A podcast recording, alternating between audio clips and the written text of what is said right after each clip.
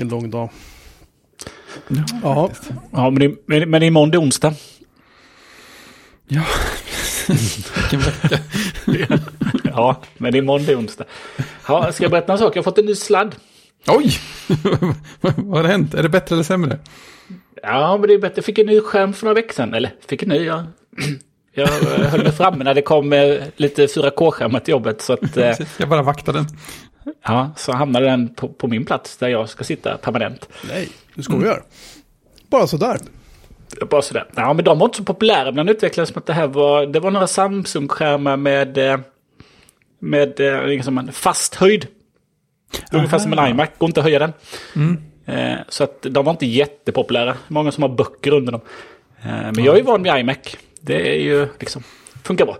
Eh, Så att jag noppade en sån. Och sen så... eh, Här har jag inte haft någon bra docka eller sånt där. Jag har inte haft någon Thunderbolt-docka. Utan jag har ju kört med min... eh, Innan hade jag en sån här Apples egna HDMI. Med en, en USB, en HDMI och en USB-C då för lite laddning. Så den skickade jag på.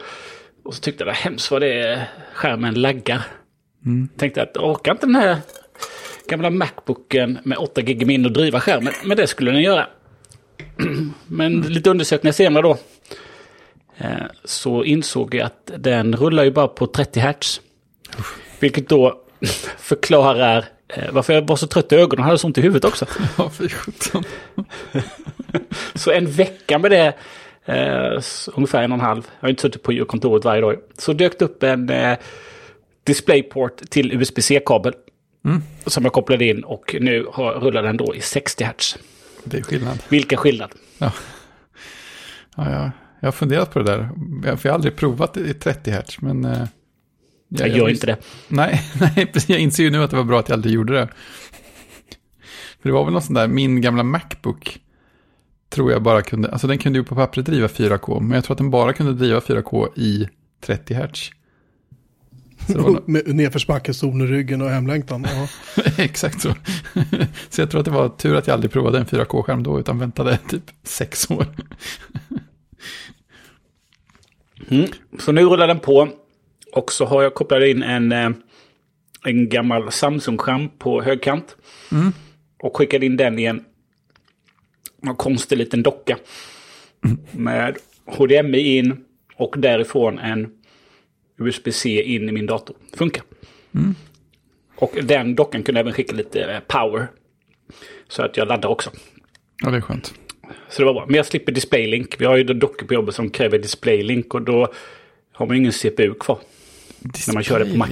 Vad är det för jobbigt Ja, det, ja, det är det där som emulerar eh, så du kör eh, skärmar över USB, USB-porten då. Jaha. DisplayLink Manager. Så finns Ja. ju dockor som är gjorda för det. Jaha, ja, det låter ju faktiskt jättejobbigt. Jag blir trött på att tänka på Ja. det. ja. Jag hade en kollega som kopplade in en sån 4K-skärm och skulle koppla in en vanlig 1080-skärm också. Via en sån docka. Uff. Satt ju nästan en hel dag. Fattade inte varför det inte funkade. Tills då att oj, jag måste uppdatera drivrutiner. Nya drivrutiner för DisplayLink för att det ska fungera. Ja, härligt. Så då gick det ut på internslacken att eh, ska ni ha den setupen så ladda ner drivrutin. Slipper ni slösa en halv dag Ja, på att fundera. Den är härlig. Jag, höll, jag höll på, förlåt får jag bryta in bara. Jag höll på med det där rätt mycket när jag körde DisplayLink när jag jobbade på Aptilo och hade en 15-tums Macbook Pro och vi skulle ha tre skärmar. Och det var så att varje ny point-release eller varje ny liten uppgradering av MacOS 10, senare MacOS, gjorde att du var tvungen att hämta hem en ny version av DisplayLink drivrutinen. Och då fanns det två ställen att hitta det på. Antingen på tillverkaren av det här USB-grafikkortet då. Det var ett 4K-grafik, jag har fortfarande kvar det här någonstans. Eh, och det i sig var det liksom inget fel på. Det var det ena. Eller också kunde man gå till så att DisplayLinks egna hemsida där de typ eh, så packade ihop drivrutiner för macken som var kanske beta, kanske testat mot någon version av MacOS som ingen riktigt visste vad det var och så vidare. Och så vidare. De funkade ju för det mesta. Inte alltid, men, men eh, det gick faktiskt att spela 4K över det där utan att det knäckte datorn nämnvärt. Jag ska bara tillägga det. Så att det är inte jättedåligt om man inte har något annat alternativ. Men det funkar betydligt bättre på Windows än det gör på Mac. det funkar inte alls på Linux. Bara en in, eh, inskjutning där i, i eh, DisplayLink-debatten. Förr i tiden lyckades vi ha några USB Ethernet-adaptrar på jobbet som krävde drivrutiner. Det kändes också modernt och fräscht. Ja, Eh, jag har en sån USB 3-adapter Ja. faktiskt för Ethernet. Och den funkar faktiskt med MacOS. Mm. Hör och häpna. Med drivrutiner eller utan drivrutiner? Utan drivrutiner. Ja. Gjorde i alla fall förr. Jag har inte testat den på länge men Stort. den gjorde det förut. Ja, det är bra. Jag hamnade framför en, en arbetsstation där det stod en liten docka, en sån här, ja, det var mer som en USB-hubb med eh, internet in i. Så den nyttjade jag och tänkte inte mer på det. Och hade väldigt slött, eh, hade väldigt slött internet. Förstod inte varför allt gick så slött. Tills jag då eh, kopplade ur den och insåg att jaha, den sänkte hela, hela nätverkstrafiken. Jag trodde du skulle säga att vi var på wifi, men det var så ännu värre än så. Ja, det, det var snabbare. Jag kopplade, jag kopplade ur den och körde wifi istället. Så det var bara att hiva den i papperskorgen. Japp. Bra grejer ändå. Jaha, eh, har ni sett att det börjar komma en recension av Macbook Pro nu? Ja, The Verge har släppts in. Såg jag i, eh, faktiskt idag. ja, de hade... De hade ju mm, de hade ju tagit hjälp av eh, en, en, såklart en videoredigerare där för att eh, stresstesta dem ordentligt. Ja, förstås. Men, mm, såklart. Eh, men deras slutsats, eh, det jag kommer ihåg lite så var ju att ja, men det här är ju eh, bland de bästa laptop de har kört. Det är den bästa batteritiden i en laptop. Och eh, det är inte värt att köra Pro Max om du verkligen inte behöver den extra lilla kraften till någonting. För Ja, det drar för mycket batteriet. Ja, Ja, det, det drar så som, ja, så som kanske programvaran är idag. Det är inte, mm, liksom, alla drar inte nytta av det kanske längre då. Eller än så Nej. länge då. Eh, ja, och eh, de var nöjda med eh, ljudet var superbt. Mm. Skärmen tyckte de ju nästan var bättre än den externa. det, det kommer ju att kännas lite jobbigt, jag vet ju det. Eh, och eh, tangentbordet var de nöjd med. Mm. Eh, att allt var tillbaka. Och notchen glömmer man bort efter en dag. Så den är inget problem. Nej, kunde nästan Jag tänka mig. inte om den. Och eh, den är inte för att spela med. Nej, Ska du spela med laptop, köp någonting annat. ja. Jag har, en, jag har en kollega som har fått sin eh, basmodell eh, 16-tummare också. Eh, han, han till, tillförde två, två insikter. Det första var ju naturligtvis, jag har inte hört fläkten än. Det sägs att den finns där, men jag har inte hört den. Det andra var, alltså det är lite obehagligt att ha en kall metallbit i knät.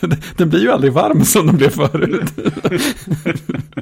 Så vi börjar fundera på det, men en liten värmefilt för nya Macbook Pros kanske hade varit någonting om man ska ha dem i knät. köper jättemånga av, köper jättemånga av Apples putsdukar och sätter ihop dem så kanske man kan ha det som en värme. Ett litet, ett litet, det här lapptäcke. Litet lapp, litet lapptäcke. Jättedyrt Ja. lapptäcke. Hon, eh, hon som redigerar video på The Verge, eh, hon, hon hade ju kört alla. De hade ju, de hade jag tror jag basmodellen 14 tum. Sen hade de två modeller av 16 tum tror jag då. Med både Pro och Pro Max i lite olika varianter då. Eh, men hon hade ju inte hört fläktarna. Men hon hade känt dem under handleden att, att de drog igång lite. Men hon hörde dem inte. Och då spelade hon ju upp. Ja, och då körde hon ju sin timeline då på i 4K där i Adobes programvara körde de ju då. Ja. Eh, som, in, som jag tror kör Rosetta då fortfarande. Ja. Eh, men det gick snabbt. Och sen körde de lite sådana exporttester som de alltid gör då. Och då var det ju jättestor skillnad då när de gick över till Apples Final Cut. Mm. För den tar ju eh, liksom ProRes. Eh, eh, Ja, det inbyggda ProRes då. Så det. det. gick ju snabbt som attan då. Men det är bara att konstatera att eh, det där är ingen dator för mig. Den är alldeles för kraftfull. Det är, Ja. inte, det är inte vad jag behöver. Det är ändå skönt att det finns sådana. Och då är man fortfarande kvar i laptopsegmentet. Ja. Så vad den där skulle jag aldrig kunna utnyttja ordentligt. Nej, det, liksom, det finns, finns ingenting jag kan utnyttja till. Så att, eh, ja, jag hoppas att eh, designspråket eh, landar neråt till, eh, till vanliga eh, M1-segmentet. Ja, just det. Och skärmtekniken också. Ja, kanske inte, kanske inte en sån jättefet skärm. Det är ju liksom... Det är också liksom helt plötsligt sitter en proffsskärm i en laptop riktigt, riktigt bra. Det behöver man inte heller. Man blir glad av det men eh, Ja, jo. för, för att köra Office-paketet, webbläsare och videosamtal så nej, det är inte värt pengarna. Om, om jag slipper betala, Nej. ja. Jag ska betala, nej. Nej, det beror på hur mycket påslaget är förstås. Men det är, en, det är en tilltalande tanke att, de där, att den tekniken kanske bara liksom gradvis flyttar neråt i segmenten och till slut är alla, alla datorer med sådana skärmar. Det hade varit fint. Ja, framförallt kanske då från Apple kommer vi säkert vara där lite tidigare då. Förutom Mm, ja, kanske då de har, de har kvar sin sån här eh, enkla laptop för studenter. Som Air är då. Ja, just det. Och det är många andra. Air, air, air. Alltså det blir fortfarande svårt där. Air, air. Air, Air. De kanske byter namn på den snart igen. Man vet inte. Ja, men jag, det är bara The Verge som har kommit ut. De andra som man brukar följa tror jag kämpar med sina recensioner. Eh, det ska bli spännande då de som gör textrecensioner då. Eh, Ja, som, det. och- eller, så- eller som inte... Alltså de som man tittar, alltså när man tittar på YouTube-recensioner. så är det ju folk som också sitter och videoredigerar. Mm. Men de som recenserar, typ som Gruber då, som inte gör något sånt. Liksom, Ja, som just han, han kan testa skärmen och högtalarna och mikrofonen och sådär. Allmän känsla. Men ja, sen blir det inte mycket mer. Nej, just det. Det är så här, åh, äntligen kan jag göra det här. Nej. inte, inte den. Men, eh, En nej. sak jag har märkt Mm. är att de som ändå har köpt ehm, nya Macbook Pro. Ehm, och det är ju Mark Arment och eh, Daniel Jalkut bland annat som jag har hört i olika poddar. Just det. De har köpt 14-tummare båda två. Mm. Och jag tror att Gruber hade beställt en 14-tummare också. Det verkar som att de beställer 14-tummaren. ehm, jag får intrycket att de inte beställer den för att den är mindre utan för att de bara vill komma åt de nya CPU-erna och få så mycket kraft som möjligt och så mycket minne som möjligt. Men det verkar inte som att skärmstorleken liksom är en faktor. Och Daniel Jackwood, han sa ju själv så här att den här skärmen, han var tvungen att köpa en LG 4K-skärm och ha bredvid för att han sa att han kunde inte, han kunde inte titta bekvämt på den där lilla skärmen med den upplösningen under allt för lång tid. Liksom. Jag tycker det är lite underligt liksom att folk inte... Hade jag varit i den här positionen där jag skulle köpa den här datorn och hade haft pengarna till det så hade jag köpt 16-tummaren. Hellre. Ja, Ja, faktiskt. ja, det är väl vad man, vad man ska ha den till. Att, alltså, tänker man att man någon gång ska bära på sin bärbara, alltså faktiskt flyttar mellan olika ställen ibland, så kan jag tänka mig att, att det är lättare att landa på 14-tummaren nu än det var förut, för att du kan spesa upp den lika mycket om du skulle vilja.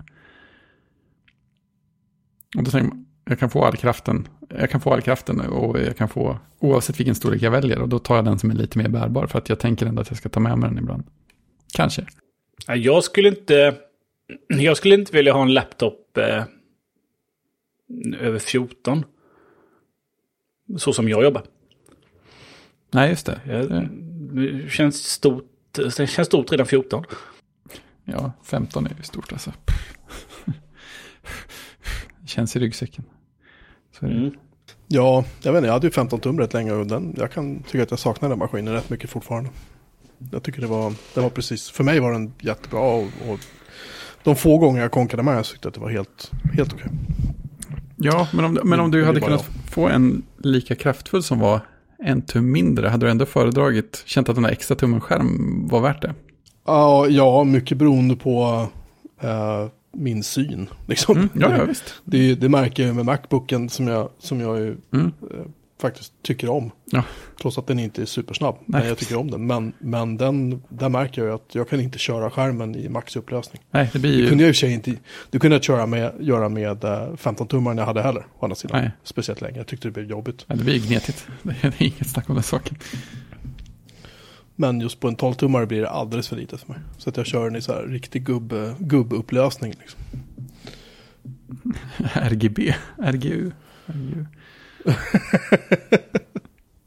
Typ så. 16 gånger 16 pixlar. Mm. herregud. Det har kommit pixelrecensioner också alltså. Ja, det kommer lite Ja. pixelrecensioner. Jag har faktiskt inte tittat så mycket på dem. Men de är ute, de finns. Reaktionen är där. Precis. Eh, mer än, mer än eh, unboxing som de får göra då. När de bara får Ja, det var Bara det som var liksom grejen. Ja. Ja. och tänkte, jag har ju tittat på några, så inser jag att jag har bara tittat på den där första. Men det var ju princip inget innehåll i de recensionerna. Nej, de får ju bara plocka upp dem och så får de berätta om sina intryck Ja. eh, på det de ser. Och får väl visa lite hemskärm, tror jag. ja, det var något sånt. Eh, och då har de ändå haft telefonen en vecka, men liksom lilla embargot ligger där. Så att, Ja. ja, det är ju kanske bra. Det är lite frustrerande för oss, men det är lite... eh, det är väl bra för YouTubers, för att eh, ja, men då drar vi in, eh, drar vi in en miljon visningar på eh, mina första intryck. Och sen drar vi in lika mycket visningar till när vi har recensionen sen. Ja, det. För det har väl nästan ersatt det här eh, att de filmar lite på presseventet. Som de gjorde Ja, för. Det. Var ju det som var deras first impressions var ju därför. När de var hos Apple och fick klämma och känna på dem och intervjua någon Apple-anställd i vimlet av andra journalister. Just det. Men jag tror den, är, den har blivit väl mottagen. Ja, jag hoppade in på Verge eh, textrecensioner. Det är nia för Pixel 6 och en åtta för Pixel 6 Pro. Mm. Det verkar mest vara att den, stor, den stora är för stor. Det är kul att har nått den övre gränsen också på telefonstorlekar. Annars vet jag när jag, jag eh, jobbade på datamagasin, då hade vi ju liksom inte unboxing-videos på det sättet. Men då var det ju ofta så här att här har ni produkten. Ni får titta på den men ni har inte embargo när ni får skriva om det. Mm. Eh, och ibland berodde det på att de ville tajma liksom lansering i olika länder så att det skulle vara samtidigt och sådär. Men det var inte ovanligt att det hände. Att det berodde på att, att produkten liksom sög. Så de, de, de ville på något sätt liksom embargot på produktrecensionen kunde vara satt efter att den var släppt i butik. Det hände liksom ett par gånger. Det känns lite sådär. minns sådär. Mm. Och det var jättespännande när man var så här, men den är ute i affären så vem som helst kan ju liksom, ja men ni har skrivit på, ni får inte. Nej. Så vi, vi slutade med embargon då. Uh, Vi vill hinna se- på. Vi vill hinna sälja några innan, innan er recension kom ut. Ja men, ja, men lite, lite så var det för att jag vet att jag vet att det hänt i YouTube. Jag kan inte komma ihåg men det var bara. Men, eller vilket företag det var som satte embargo just på att de ville eh, få igång försäljningen så fort som möjligt och försöka hålla inne. För de visste i princip att produkten skulle få dålig recensioner. Det var typ den första vikbara Samsung. Det var något sånt där. Det var en sån här produkt som var så här. Man nästan kunde känna lukten att det här kommer inte riktigt att gå. Liksom. Nej, nej. Eh, och, och jo, mycket riktigt, liksom, när, när testerna väl, när de väl kom ut så visade det sig att, ja, kanske inte var så bra. nej. Ja, nej, jag vet inte, jag hade en, en diskussion med en, eh, en person idag på mitt jobb som tyckte det var synd att vi inte hade Android-telefoner på, på mitt jobb. Och Mm. eh, sådär, och, och utan att gå in på varför vi har och inte har, jag bara generellt sa att, att liksom, jo men det är ju så här att med eh, Apples produkter har du ju support i 5-6 år och de är säkrare och vi, vi, vi vet liksom vad vi köper lite grann. Och, och, eh, och det visar sig att det enda Android-telefon som någon av oss egentligen visste om som erbjuder så pass lång support på eh, uppdateringar är ju faktiskt Pixel 6. Mm. De skulle, jag tror, lovade fem år, har jag för mig. Ja, det var en sån säkerhetsuppdatering. Eh, ja, precis. Och det kan man tycka så här, men fem år är ju ingenting. Men med tanke på att många av dem bara har haft två år, tre år. Liksom. Mm. För, telefoner, för telefoner som du fortfarande är fullständigt kapabla egentligen att köra de här grejerna. Ja, men det exakt. känns som att de, de driver det hårdare att de vill sälja Mm. telefoner. Liksom. Sen kan man ju tycka vad man vill om, om iOS eller Android. Det är liksom upp till var och en, självklart. Kan jag Ja, tycka. det gör ju de flesta. Ja, tack och lov. Eh, från ett ämne till ett annat. Hur är det med datamagasin Retro? Jag var ju på min kollega. Eh, min mysiga kollega som hade en mancave med C64 och sådär hemma. Att, eh, nu är det dags att boka. Så han var på kontoret och eh, efter lunch så öppnade han plånboken och eh, eh, bokade med en t-shirt. Mycket bra. Vi har per för en timme sedan, idag är alltså tisdagen 2 november, har vi 965 exemplar bokade. Nu är det nära. med... Shit, nu kommer jag inte ihåg bara för det. Jag tror att det är... eh, nu kan det vara nio dagar kvar eller något sånt där? Jag kommer inte ihåg. Nej, det är det inte. Det, det är mer dagar kvar. Det borde vara fler dagar kvar. Jag kan inte se den här uh, bluppen högst upp där det står hur många ex som är bokade. Men det står också hur många dagar det är kvar på den här shop.datamagasin.se. Mm. Men eh, det är väl typ två veckor kvar någonting. Det är åtta dagar, 14 timmar och 12 minuter kvar. Tack, okej det är en vecka och lite mer kvar. Så när ni hör det här avsnittet så är det hög tid att boka om det ska bli någon tidning. Och om ni dessutom då vill säkra eh, t-shirt, musmatta och annat till, till bra priser eftersom det ingår i paketen som ni kan köpa. Så eh, är det en himla god idé att gå till, till shop.datamagasin.se. Boka, boka, boka. Och jag också ska vara tydlig med det att blir det ingenting så får alla sina pengar tillbaka. Eh, Det har vi aldrig behövt göra tidigare. Vi har aldrig behövt betala tillbaka eh, bokningar på det sättet. Och vi har ingen lust att göra den här gången heller. Vi vill hemskt gärna göra en tidning som, som ni kan få eh, lagom till jul. Så snälla satta rara, gå in och boka nu. Tack för ordet. Eh, du, jag tänker du ska få behålla ordet. För eh, du har ju kommenterat ett rackskåp. Jag fick någon kommentar som var så här, åh vad coolt! Så här, och jag var så här, eh, alltså, det är för att jag hade ingen annan möbel att ha grejerna i. Eh, jag ehm, eh, fick äntligen tag i en förstärkare, en NAD-förstärkare. Via, via eh, Tradera. Fick jag tag i till ett riktigt bra pris faktiskt, riktigt fint skick. Eh, den fungerar alldeles utmärkt och låter fantastiskt bra. Jag vill ha den för att kunna spela vinylskivor. Och även typ CD-skivor och så. Men framförallt vinylskivor. Och jag fick tag i det och kommer hem med den där. Och, så, och då, i det här lilla rackskåpet jag har så eh, satt ju en switch och dess, min lilla brandvägg. Och lite annat så här smått och gott. Men jag tänkte att det kan jag ju lika gärna gömma i tv-bänken. Så nu har jag gjort det. På en hylla där. Så att den får luft men inte, inte syns. Dessutom var det så att tv-bänk, eller den här bänken som switchen och allting satt i stod riktad så, så att det lös rakt mot min säng. Uh, Framförallt den lilla brandväggen har väldigt starka små lysdioder på sig. Visar sig. Så, så det var, jag kunde göra med allting, det stör ingen och så har jag istället då inrätt det här lilla skåpet då med en liten rackhylla och där är då CD-spelaren och min naddförstärkare. Och sen ovanpå själva det här rack, lilla rackskåpet står skivspelaren och sen under allt det här är då en klassisk drickaback med mina LP-skivor och mina singlar i. Och mina. EPs. Jag har självklart, eh, självklart eh, spelat, spisat vinyl här på. Det är som ett jag eh, barskåp fast för vinyl. Ja, faktiskt. Faktiskt. Fantastiskt bra. Så, Helt underbart. så att den, eh, det, det, det blev lyckat. Tycker jag. Ja, men det, det är härligt. Det, kan du, eh, kan du eh, introducera dina söner för härlig vinyl? Ja, de har inte sett det här ännu för de är hos sin mor. Men när de väl kommer så ska jag ju självklart. De har, de har ju sett vinyl tidigare. Men de, för dem är det där så, det är så konstigt på något vis. För dem liksom. Att stor svart skiva som det kommer ljud ifrån. Ja, det är lite absurt. Nu har pappa sagt upp Apple Music. Nu är det det här som gäller. Ja, precis. Va? Och inget Spotify? Nej, inget Spotify. Nu har vi bara vinyl här. Pappa! Jag kan göra en dubbel-LP med Spotify-loggan på framsidan. Så det här är Spotify.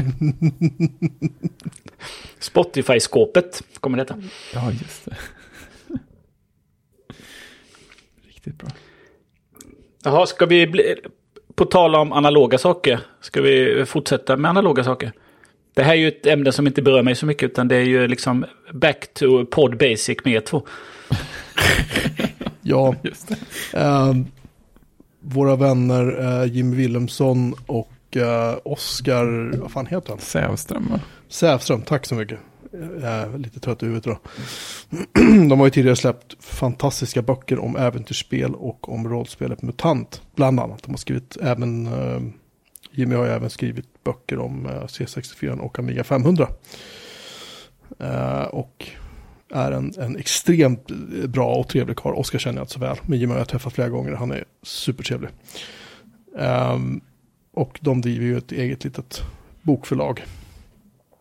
De har nu äntligen då presenterat att de kommer ge ut en bok om rollspelet Drakar och Demoner. Och eh, om böckerna om MUTANT och äventyrsspel är någonting att, eh, om man ska döma liksom deras eh, produktion så här långt när det gäller de två, så kommer den här boken bli fruktansvärt bra. Mm. Jag tänker beställa den så fort det bara går. Deras Kickstarter är inte uppe ännu. För den. Men så fort det går. Eller om det är en Kickstarter, jag kommer inte ihåg.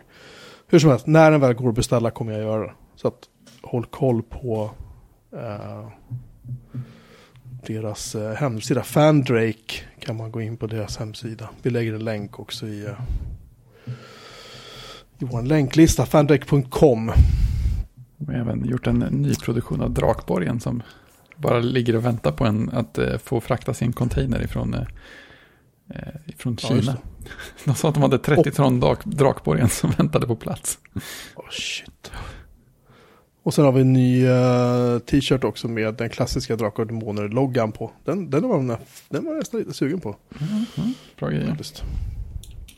Ja, de lär ju få in sina pengar relativt snabbt Ja, det står här att boken kommer att vara i samma storlek som de tidigare två böckerna och har ett upplägg liknande boken om MUTANT. Åh, oh, gud vad bra.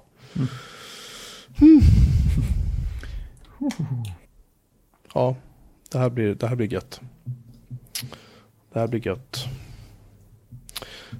Ja. Så. Ja, nu är det dags för plinget. Redan? Ja, det måste det vara. Det är ju stora film och tv-avsnittet, eller hur? Men igen, vi hade ju precis ett. Ja, vi, har inga ämnen vi har inga ämnen kvar att prata om. alla ämnen råkar vara rörliga bilder. Okej, okay. ja, ja. ja, då plingar vi då. Jag menar, vi har inte sådana här eh, lyssnare som gör att det blir, blir follow-up hela avsnitten. Så vi får ju liksom ta det från ja, andra hållet. Och... Just det. Skärp er lyssnare. Vi behöver mer follow-up. vi har ju inga, vi har inga lyssnare. Nej, så kanske, det är kanske där sanningen är. Det konceptet utan. uh, jag har bara uh, noterat, min, min äldsta dotter är ju en, en fanatiker av tv-serien Grey's Anatomy. Jag har själv inte sett den på jättemånga år. Men det här kanske har pågått länge bara att jag inte märkt det. Men de döper ofta sina avsnitt efter låttitlar som är ganska intressanta. Så man kan ja. se från förra säsongen så har man då You Never Walk Alone, Fight the Power, uh, In My Life, Breathe, uh, Sign of the Times. Det är bra. Uh, I'm Still Standing. alltså, måste man gilla. Sen, ja, men lite så. Men sen faktiskt säsong 6, eh, förlåt, 6, 6, säsong 18 tror jag till och med att det är. Man håller på att ta dem här. så är då eh, två Beatles-låtar, Here Comes the Sun och With a Little Help for My Friends. Mm. Och eh, Kiss, Kiss-låt eller Kiss-album som heter Hotter than Hell. jag, jag, tycker det, jag, jag är inte förtjust i den här serien alls, men jag tycker att det, det ska premieras på något sätt. Men det är sant. Bra, bra intressanta sätt att välja titlar på. Det, det ska ja. alltid, alltid uppmuntras. Ja, jag tycker det. Good stuff. Och så var jag tvungen att lyssna på massor av Beatles bara för det. Bara för att jag såg mm. det. Anledning så god som någon.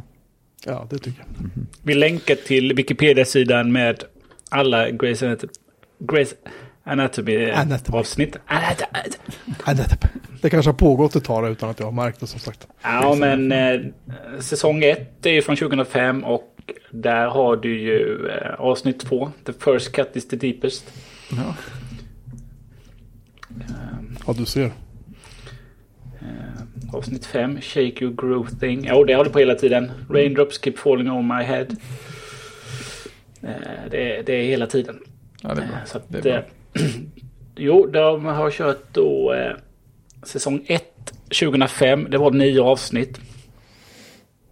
Sen så säsong 2 gick igång också 2005 då. Då var det 36 avsnitt. Och så har det... Snabb det, det, nej, det märktes att det blev en succé förlåt, liksom. För, nej, men förlåt. Jag, de, har ju, de bara räknar ju upp här. Det var ju nio avsnitt. Men sen så blev det ju... Det blev ju 10, 20... 27? Eh, nej, det blir ju 26 avsnitt i andra. Då är de tillbaka på lite mer. Men de har kört då de är inne på 18 säsongen nu, ska väl börja nu va? Pust. Stämmer. Svårt att hålla om den, Så kan jag tycka. Jag menar, hur, hur, hur många mer kan, kan åka in på sjukhus liksom? Har inte alla Ungefär redan? Ungefär som mord, morden i Midsummer där det, det har dött fler människor än som faktiskt fysiskt kan bo i Midsummer. Ja. Det vore intressant om de gjorde en säsong där- alla, alla patienter som kom in var folk som hade varit inne en gång förut. Men du dog. Just det, jag mår bättre Det, nu. det, det var bara en dröm. Vi kör, så här, Ja, kör eh, Dallas-konceptet på den. Ja. den, den, den klassiska sjukhusserien då, ER. Eh, sändes ju mellan... Mm, mm, mm, sändes den emellan? Den kom ju 94 och slutade 2008. Så den gick ju i 15 säsonger. Ja, Det är inte Ja. mycket fler. Ja, det är färre. Mm. Ja, det kan man Den inte har säga. ju... eh, Mm, den har ju... Eh, Grey's Anatomy har kört över den nu. Ja, de kan ju försöka komma ifatt General Hospital. Den har väl hållit på i 30 år eller något sånt där. Så. Pratade vi inte om det för, för några veckor sedan? Att det var någon såpa som hade gjort typ så här 55 000 avsnitt eller någonting? Eller, Jo, det där har vi-. Har vi listat någon gång. Kanske inte var 55 000 men det känns som det i alla fall. Men det var många tusen i alla fall. Det var många tusen. Hur som helst, vi gräver inte ner oss i det idag. Eh, HBO har ju fått eh, massiv kritik från sina befintliga kunder när de eh, lanserade HBO Max. Och la ner, vad hette det nu Christian? HBO Go var det va? HBO Nej. Nordic. Tack, HBO Nordic. Så många HBO, så lite tid. Ehm, och eh, HBO-chefen säger att man kan eh, kontakta deras kundtjänst och ha en dialog. Men de tänker absolut inte vika ner sig efter det här upplägget då att man efter att nya kunder får då eh, halva priset eh, under resten av sitt liv. Stjärna, stjärna, asterisk, asterisk, asterisk. Undantag gäller läs det finstilta som vi pratade om förra veckan. Eh, Vi kan ju då eh, tipsa om att jag, känner fler personer än en som har avslutat sitt abonnemang och sen läggat upp ett nytt med en annan mejladress. Samma kreditkortsnummer och det har gått alldeles utmärkt. Men säg, ingen, säg inte till någon att ni hörde det här. Exakt. Jag var ju tvungen att kolla upp General Hospital. Det, det är alltså över 14 000 avsnitt. Siffran 14 000 är från 23 februari 2018. Så att det är ett par till sedan dess. Det- Den är inte nedlagd då? Nej, nej, Okej, nej, den den håller på. fortsätter. De pausade under, under covid. Då hade de avsnitt för två månader på lager. Och sen så fick de visa repriser några veckor och sen började, så kom de ikapp och började producera nya. Och det började som en serie med 30 minuters avsnitt. 1963 till 1976. Sen var det 45 minuter 1976 till 1978. Från 1978 och framåt så är alla avsnitt 60 minuter. Så det är ju rätt många timmar material också. Det är ju helt vansinnigt. Ja, 14 000 avsnitt. Det är så här, du har fått en roll på General Hospital, okej. Eh, ja precis. Då behöver jag inte göra något mer i mitt liv. 59 säsonger, den startade 1963. Ja. Upp. Ja, vad ska man säga? Världsklass. Det ska finnas en serie som heter Våra bästa år. Days of Our Lives, den är uppe i 50, 57 säsonger och också 14 000 avsnitt. 1965 startade den. Det var den vi pratade om sist. Ja, just det. Ja, just det. Nej, jag tycker det är helt, helt makalös. Men fan, titta på sånt här.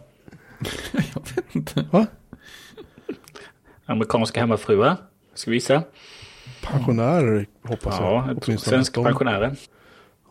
Jag, för jag vet att de här, äh, vad heter den, Young and the Restless, jag kommer inte ihåg vad den hette på svenska, men den gick på typ TV3 vet jag, på eftermiddagen eller något sånt där. På, alltså för jättelänge sedan. De skulle, de skulle fylla ut, för de hade, hade inte nog med aningen mindre dålig tv att sända, så att då sände de det där. Ja, skitsamma. Upprörande är bara förnamnet.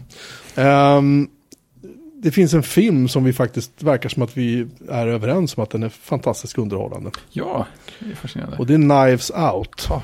Har du sett den Christian? Svar nej. Ja, Ah, okej. Taskigt. Ehm, precis. Tough luck. Jag tycker att den var ganska rolig. Ja, Det var ovant att se eh, eh, våran kära James Bond, vad han heter, Daniel eh, Craig. Craig. Prata med någon så här eh, sydstats... Ja, det, jag hade jättesvårt för det. Han pratade med så här jättesläpig dialekt dessutom. Och så. Han gjorde det liksom bra. Jag tycker man hörde inte att han var engelsman egentligen. Nej, men jag, jag tyckte så här. Att det, det kändes svårt att veta, så är den här dialekten, ska det vara så här? Eller, Ja, jag blev helt chockad. Eh, och sen gillade jag liksom hur hela, hela upplägget, att man, att man så tid, att man rätt tidigt fick reda på så här, vem som gjorde vad och hur det låg till. Fast man fick inte reda på riktigt allt. Nej. Utan man fick reda på lite till efter en stund och sen så Ja, vi får och väl sen säga, började det liksom krypa fram saker så här. ja, ja, vi får väl säga att det är väl upplagt ganska mycket som någon slags, en gans, ganska klassisk sån här mordgåtehistoria, eller det börjar så i alla fall. Fast den vänder ut och in på sig själv. Ja, ja, men, ja, men precis, precis. Det är, det, det är ett, ett mord i ett hus och det alla är misstänkta och det finns en detektiv och sådär. Fast, fast precis, fast det är, är det ett mord. Alltså det är det, Ja, som, men precis. det, är det som är så roligt. Ja, men precis. Det börjar där, så kan vi säga. Ja. Nej, men, Ja, den, den, är, den är, jag tyckte den var jätte, den var, den var lite gullig, det var lite kul sådär. Det var kul att se så här, uh, typ Don Johnson var med. han, alltså, han är ju inte en dålig skådis egentligen, det är ju bara att han har fått taskigt rykte liksom efter att ha gjort några så här tvivelaktiga val i Ja. sin karriär. Men han är ju faktiskt inte alls en dålig skådis. Så. Nej, det var flera bra, flera bra skådisar med tycker jag, i den. ja. ja, men det är, det är kul. Alltså, jag, tycker, jag tycker alltid eh, Ryan Johnson som har regisserat och skrivit och så. Vad har han gjort för någonting? Ja, han är, det, det mest kända han har gjort var att han regisserade Last Jedi. Men han har gjort en film, Just det, en film som heter Brick innan och en som heter The Brothers Bloom. Och ett gäng till. Just det. Och det, det känns... Looper. Looper, ja, precis. Lu- ah, det är där vi har Ja, hört hans namn. just det. Den är ju fantastisk, det har vi ju konstaterat redan. Ja, men jag, jag, tycker, jag tycker det känns som en grej med Ryan Johnson att han är väldigt bra på att göra, vad ska man säga, genrefilmer som samtidigt gör något lite eget. Ja. Och så, så här, det, här är, det här är mordgåtegenren, då gör han det. Så det är så här jättegenomfört och sen så händer sen så är det någon slags twist på det som, som får ihop det. Eh, Ja, ja det är kul. Ja, Looper, Looper var ju verkligen, den, den, den slog också ut, alltså, ut och in på sig själv lite grann, fast på Ja. ett jävligt bra sätt också. Ja, men precis, den, den, den, han lyckas få ihop det. Det är inte så här, oj, det, det, du gick nästan, tyvärr, men nej, det, det funkar. Nej, Jag skulle säga att Knives Out får 4 av 5 BM. Ja, jag håller med. Måste ändra vår betygsskala till BMO kommer jag på. Ja, Som vi inte utesluter någon. Så, Jag såg att den fanns på Netflix. Så att eh, Ja. jag ser väl inte nästa vecka och uppdaterar med mitt betyg. ja precis. Eh, snälla. Och det kommer ju då, eh, kommer ju då två stycken uppföljare. Just det. Som han har signat. Netflix har betalt väldigt många amerikanska dollars för detta. Ja. Eh, bara Fredrik, vad ger du filmen för betyg? Jag ger den också en fyra. 4 av 5 Ja, ja det är mycket trevligt när jag såg den. BMO. Notarius Publicus uppdaterar du eh, dokumentet så inte jag gör det så att vi inte sparar på varandra så att det blir fel. Synka filer är svåra saker, det är typ bara, bara eh, Dropbox som tydligen verkar klara av att göra det. Ja, det är omöjligt.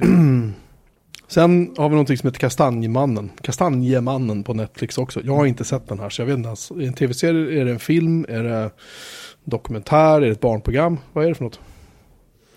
Det låter nästan som ett eh, barnprogram. Det är en dansk eh, serie på Netflix. Ja. Det, det är Kastanjemän. Där satt den. Eh, ja. eh, val, valfritt att klippa bort det.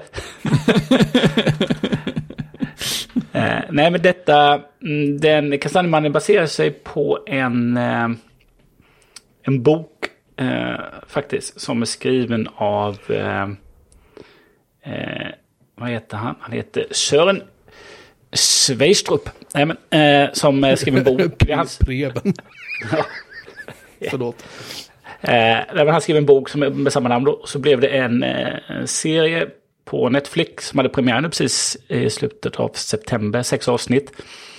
Handlar om eh, den unga kriminalaren Naja Thulin som får en ny partner i eh, i Hess. och de tilldelas ett fall där en ung kvinna har hittats mördad på en lekplats. Och hon saknar sin ena hand och eh, bredvid henne där så finns det då en liten gestalt som är gjord av kastanjer. Så kan man säga började. Eh, serien börjar i sig med en tillbakablick från 80-talet då. Eh, där en polis kliver in i ett hem eh, med en mördad familj och hittar en, en, ett ensamt barn i en källare fyllt av sådana kastanjemän. Mm. Eh, det som jag tycker var jättebra. Den är rätt brutal. Och tycker de håller ihop det bra fram till till och med liksom, det är en sån serie att ganska många avsnitt så jagar de ju liksom mördaren. Vem är brottslingen? Ja, just det. Och sen så när det blir uppenbart då så är ju nästa då lilla typ katt leken för att liksom ta fast och avsluta och sy ihop det. Jag tycker de lyckas, lyckas bra med det. Och eh, det är ju den här personen eh, eh Sören då som ligger bakom eh, eh, The Killing. Mm -hmm. Som gjordes med det är också en dansk... Eh, det är ju en dansk eh, förlaga då, eh, Brottet. Så, 2007 då så gjorde de ju The Killing. 2011 med eh, våran egen Joel Kinnaman. Var ju med där. Eh, så att, eh, ja. Det här är också en bra serie. Jag har däremot inte sett Brottet då den tv-serien. Jag tror den kom i några olika säsonger faktiskt. Var inte det med typ Ernst och Järgården och sånt där? Det kanske var senare. Jag vet inte varför jag fick fram med det. Men... Det är bara för att han var med i den eh, klassiska tv-serien Riket. Ja, det är kanske är därför. Ja, det dansk jävla. Just det. Ja, precis. Nej, men den rekommenderar jag. Den ger jag, den ger jag 4 av 5. Mm. DM. Mm. Åh. Tycker den är, tycker den är bra. Jag har, inte läst boken och eh, kommer nog inte göra det heller. Men eh, jag tycker serien var väldigt bra.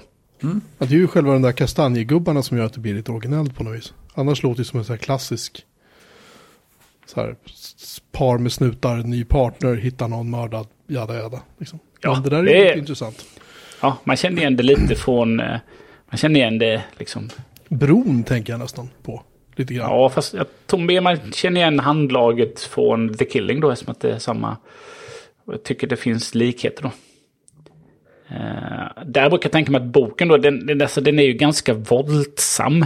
Liksom, det, när de liksom lite Dexter-inspirerat så liksom kapa, kapa lemmar. Mm. Så att jag kan tänka mig att i boken är nog väldigt detaljrikt.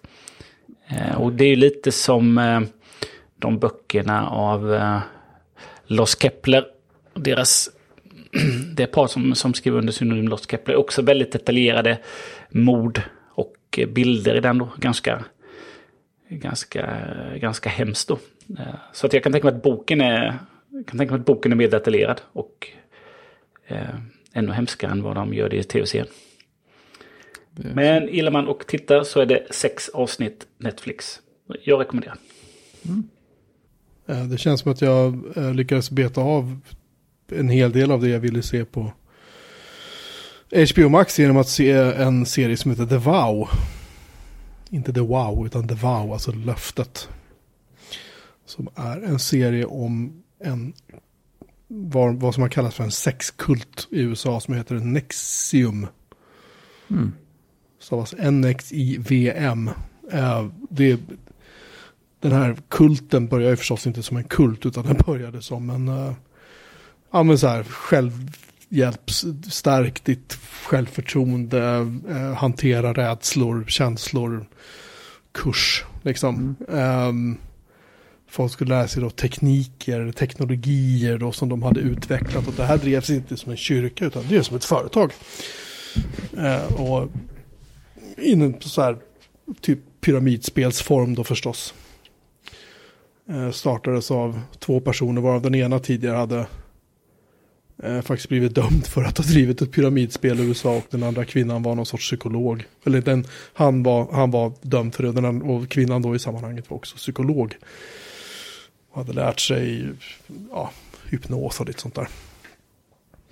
Och sen slog de där två sina påsar ihop och började driva då det här företaget Nexium och eh, uppmanade då folk att självklart gå kurser då så att de kunde ro upp med olika nivåer och sen så helt plötsligt så skulle de hålla, skulle de hålla utbildningar och så fick de inte betalt förrän de upp, kom upp i nivåer då som var anses vara acceptabla. När de kom dit så höjdes kraven ytterligare och sen till slut så fick de öppna egna lokalavdelningar och då började de ju tjäna grova stålar på det här. Så det fanns ju incitament för att folk skulle stanna också. Mm. Eh, kvar. I alla fall de högre uppsatta då. Och självklart så var det en del kändisar som flockades till det här. Bland annat en kvinna som heter Alison Mack som var med i eh, Smallville var det va? Mm.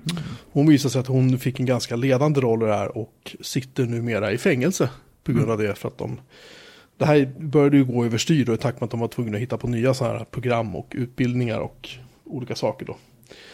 Eh, för att få hålla kvar folk så att de kunde fortsätta, fortsätta gå kurser och eh, ja, betala in mer pengar. Så ehm, det finns så mycket mer att läsa om det här på nätet. Jag vill inte riktigt gå in på vad de gjorde för jag tycker det var ganska vidrigt. Men serien eh, The Vow, det är alltså eh, nio, sju eller nio avsnitt, jag minns inte det. Sju avsnitt kanske. Eller nio, jag minns inte.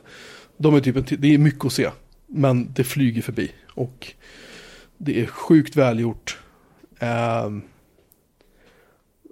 man vill titta bort ibland fast ändå inte. Liksom. Mm. Så att den är, den är um, fruktansvärt sevärd. Och lite jobbig på många sätt. Och han den här eh, killen då som eh, ligger bakom det här. Eh, han, man ser, när man ser dem filma honom så först tänker man så, för i början presenterar de hela, den här, hela det här Nexium-grejen då som att ja men det här verkar ju ganska sympatiskt och det verkar som att ja men här verkar alla trevliga och folk verkar vara glada och ba, ba, ba liksom så här. Och, och sen dyker han upp, man ser så filmar de Keith Renier heter han då. Och så filmar de honom lite grann med lite så här olika klipp för att grejen var att en av de här första medlemmarna som vapenade på det där, han var också en dokumentärfilmare. um, som hade liksom, han hade nått framgångar, det hade gått bra för honom och så här. Och då hakade han på det här och så han började då dokumentera uh, den här Keith Renier och andra ledande personer för att det skulle finnas kvar i framtiden när de, när de var borta.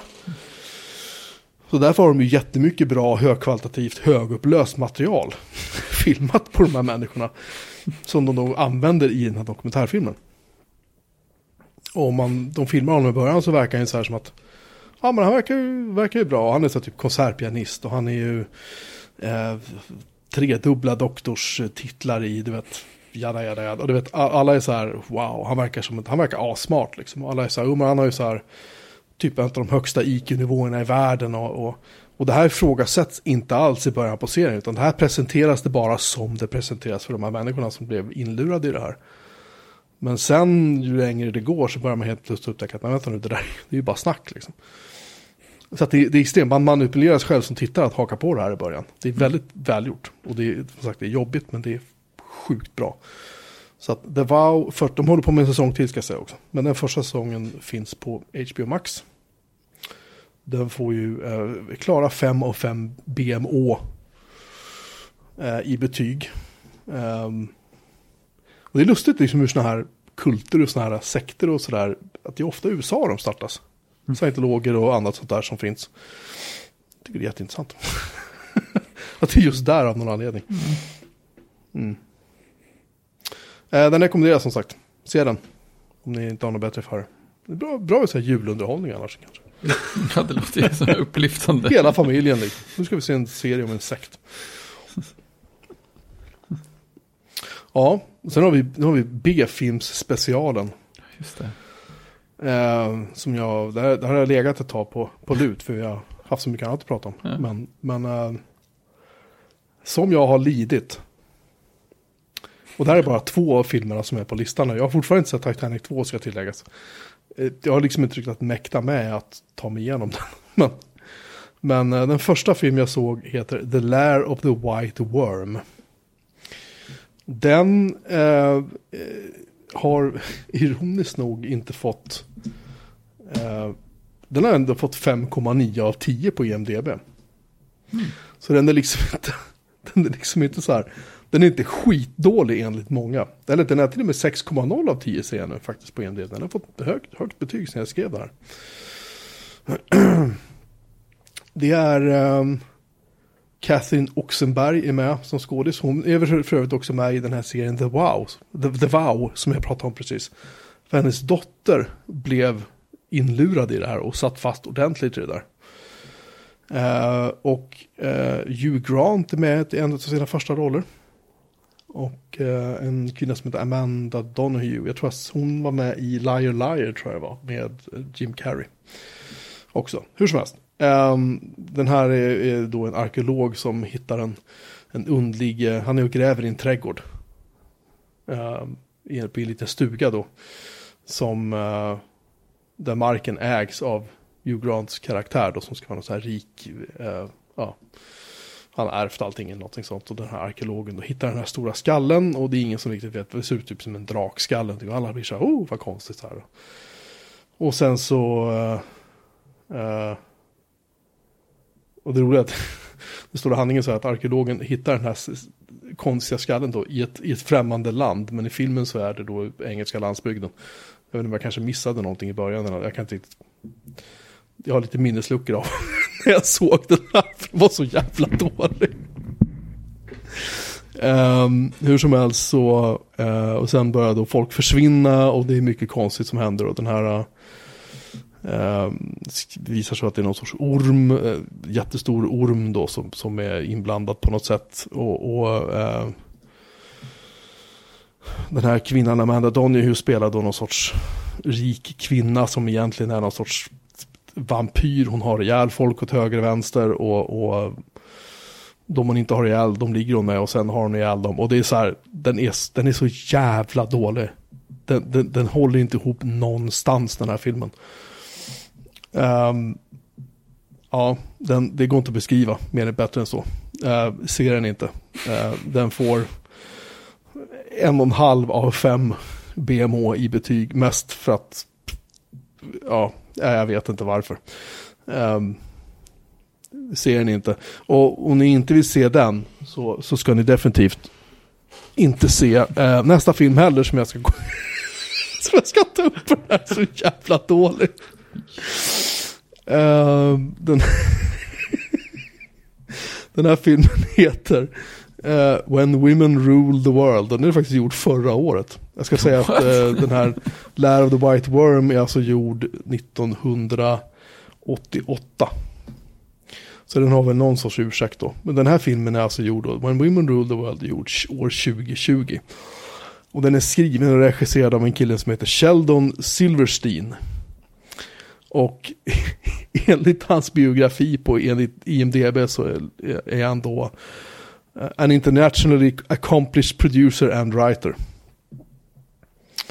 Eh, den här filmen ska då handla om, om en,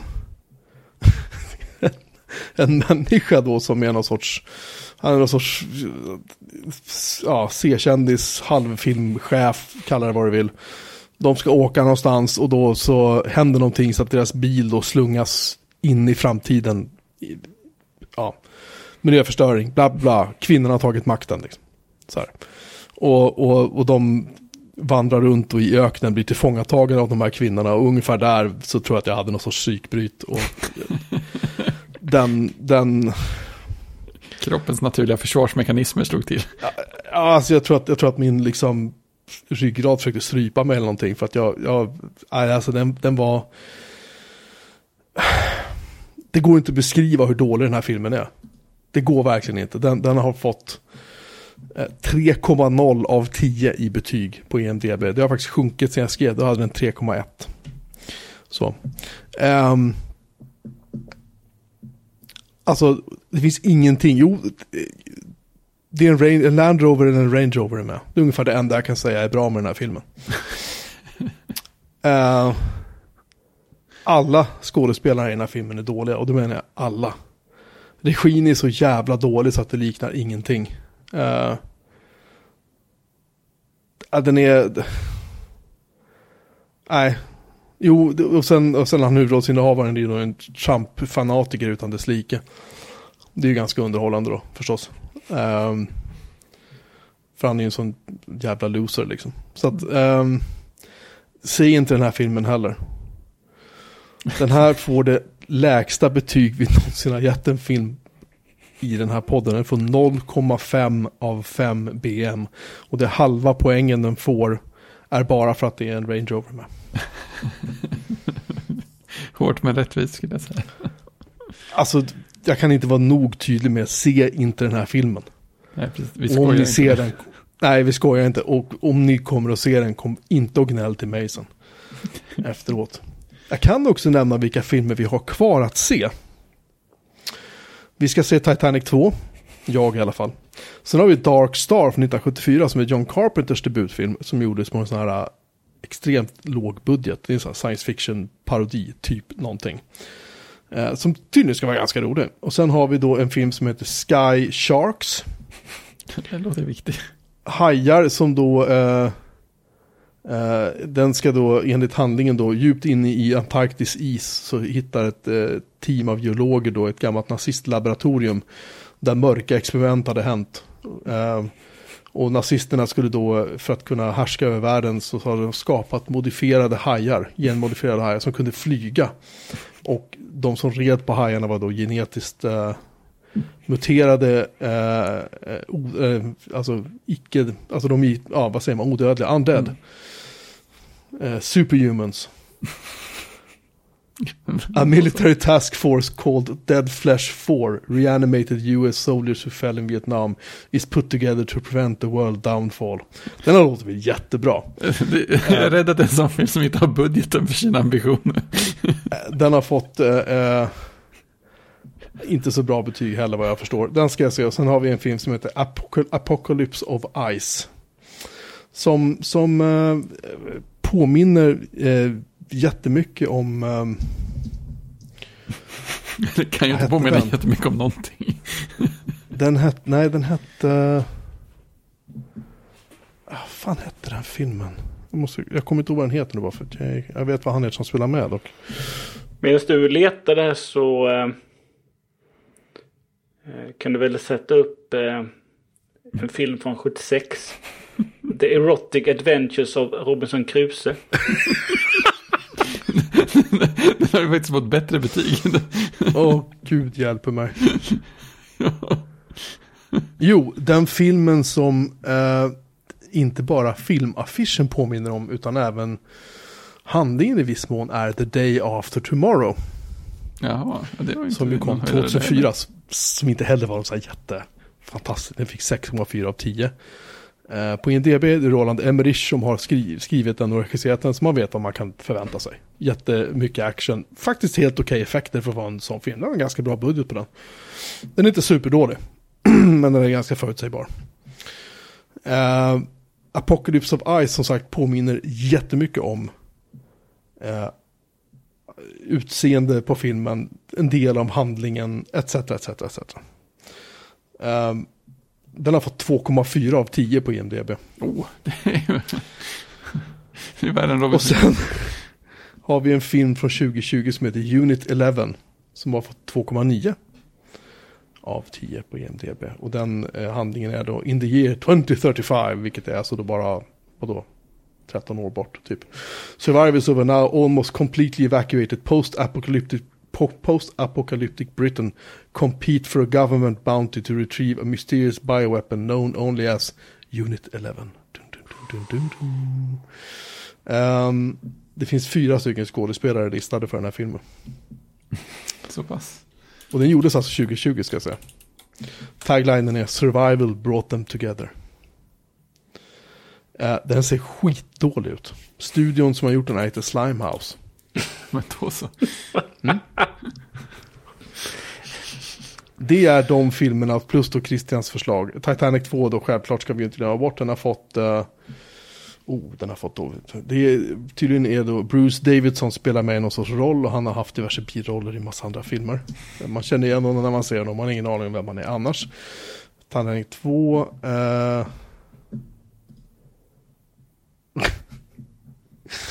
Den har fått 1,6 av 10. Åh gud hjälp mig. Det är då eh, eh, Shane Van Dyke som har skrivit, regisserat och spelar huvudrollen i den. Av några händelser så finns det ingen bild på Shane Van Dyke på IMDB. det är också en, det är också en Carrie Van Dyke som är med, jag undrar om det är hans son. Åh, oh, herregud, jag vet inte vad jag ska ta mig till. det här är liksom nästa influensaprojekt, det är att ligga och titta på de här filmerna. måste bara bli tillräckligt dålig först. Ja, men som skrämmer, chock, man skrämmer liksom och chockar kroppen tillbaka till någon sorts friskhetstillstånd. Ja, för att sy ihop den här filmsäcken eh, med ditt jultips där innan eh, så kan jag väl säga att eh, sagan om Karl-Bertil Jonssons jul kommer som spelfilm. Ja, just det. Fast den kommer att ha premiär i november. Det känns ju inte bra. Jag är lite skeptisk alltså. Ja, alltså varför gör man så? Behövdes det? För att tjäna pengar förstås. Ja, jo, jo, men... Men annars? Alltså jag, nej. Alltså det, det kanske blir jättebra, men... Alltså ska de göra en spelfilm av någonting som är, vadå, 28 minuter långt tecknat liksom? Ja, just det. Hur lång är spelfilmen? Är den Peter Jacksons Karl-Bertil Jonssons jules tre och en halv timme? per film, ja precis. ja, just det. Nej, jag känner att det här är en trilogi. så Directors Cut är liksom Karl-Bertil Jonsson vadar genom postrummet och, och paketen ramlar över honom och det, är två, det är två timmar liksom. ja, den actionsekvens. Ja, men man måste ju eh, göra ett djuplodande personporträtt på Tyko. Ja, just det. Ja, just det. Hela hans barndom, ja. Det är en film där. det är en sån spin-off. Tyko. Kampen. Tykos kamp. Ja, nej, nej jag, jag, jag är försiktigt uh, skeptisk. Ja, det kanske blir bra, men... Uh... Ja. Nej, jag, jag, jag förstår bara inte. Alltså, vissa grejer behöver man ju faktiskt inte göra filmer på. Det kanske är bättre att bara låta bli vissa saker. Men det känns ju så. Ja, men det som jag sett på HBO eh, eh, Max så finns det ju en massa Alfons Åberg avsnitt. Mina barn bara yay! Så här, mm. Och så mm. visar det sig sen att, att eh, det är ju så här nya avsnitt. What? Och det är inte Björn Gustafsson som är spiken och de är tecknade lite mer professionellt sådär. Och det är, väl, det är väl kul, det är väl snyggt. Men det är lite synd, det är liksom inte samma. Nej. På det vis. Det är Jonas Karlsson som är speaker. Ja. Och han är inte, jag har sett några av dem där som han har varit spik på. Och då, han, är, han är inte dålig liksom, det är inte det. Men jag kan bara känna att det, det, det är inte rätt. Det är, också, det inte samma sak. På tal om det känns inte som samma sak så är det också han som spelar Tyko i Karl-Bertil Jonsson-filmen. Nej, nu går ju skam på torra land. Han borde ha, han borde ha vett att uh, begränsa sig lite tycker jag. Precis. Och på tal om filmen så är den en timme och 44 minuter. Ja, det är ju ja, längre kan man. Det hörs ju redan där. Mm. Mm. Nej, jag vet inte. Vi kan, vi kan vara försiktigt skeptiska så kanske vi blir överraskade och säger att ja, men det var ju så dumt det. Ja, men precis. Ja. Ja, men det uh, kanske var det då. Ja. Ett kort avsnitt. Det gick så fort den här gången. Ja, för sure. Så är det med GTn är slut så det är inte mycket att göra. Aj, aj, aj, ja då är det definitivt dags att avsluta. Uh, ni fick ett lågt avsnitt förra veckan. Så ni får nöja er med ja, den här veckans. Behöver ni fylla ut så bara se någon av filmerna. um, ja, precis. Und undvik B-filmerna bara. Gör er själva och mänskligheten en tjänst. Och era nära och kära som inte kommer att, de kommer inte känna igen er om ni ser dem. Det där klassiska, lyssna på instruktionerna innan du... ja, jag vill inte ha några arga avsnitt från, eller arga avsnitt, jag vill inte ha några arga samtal från några...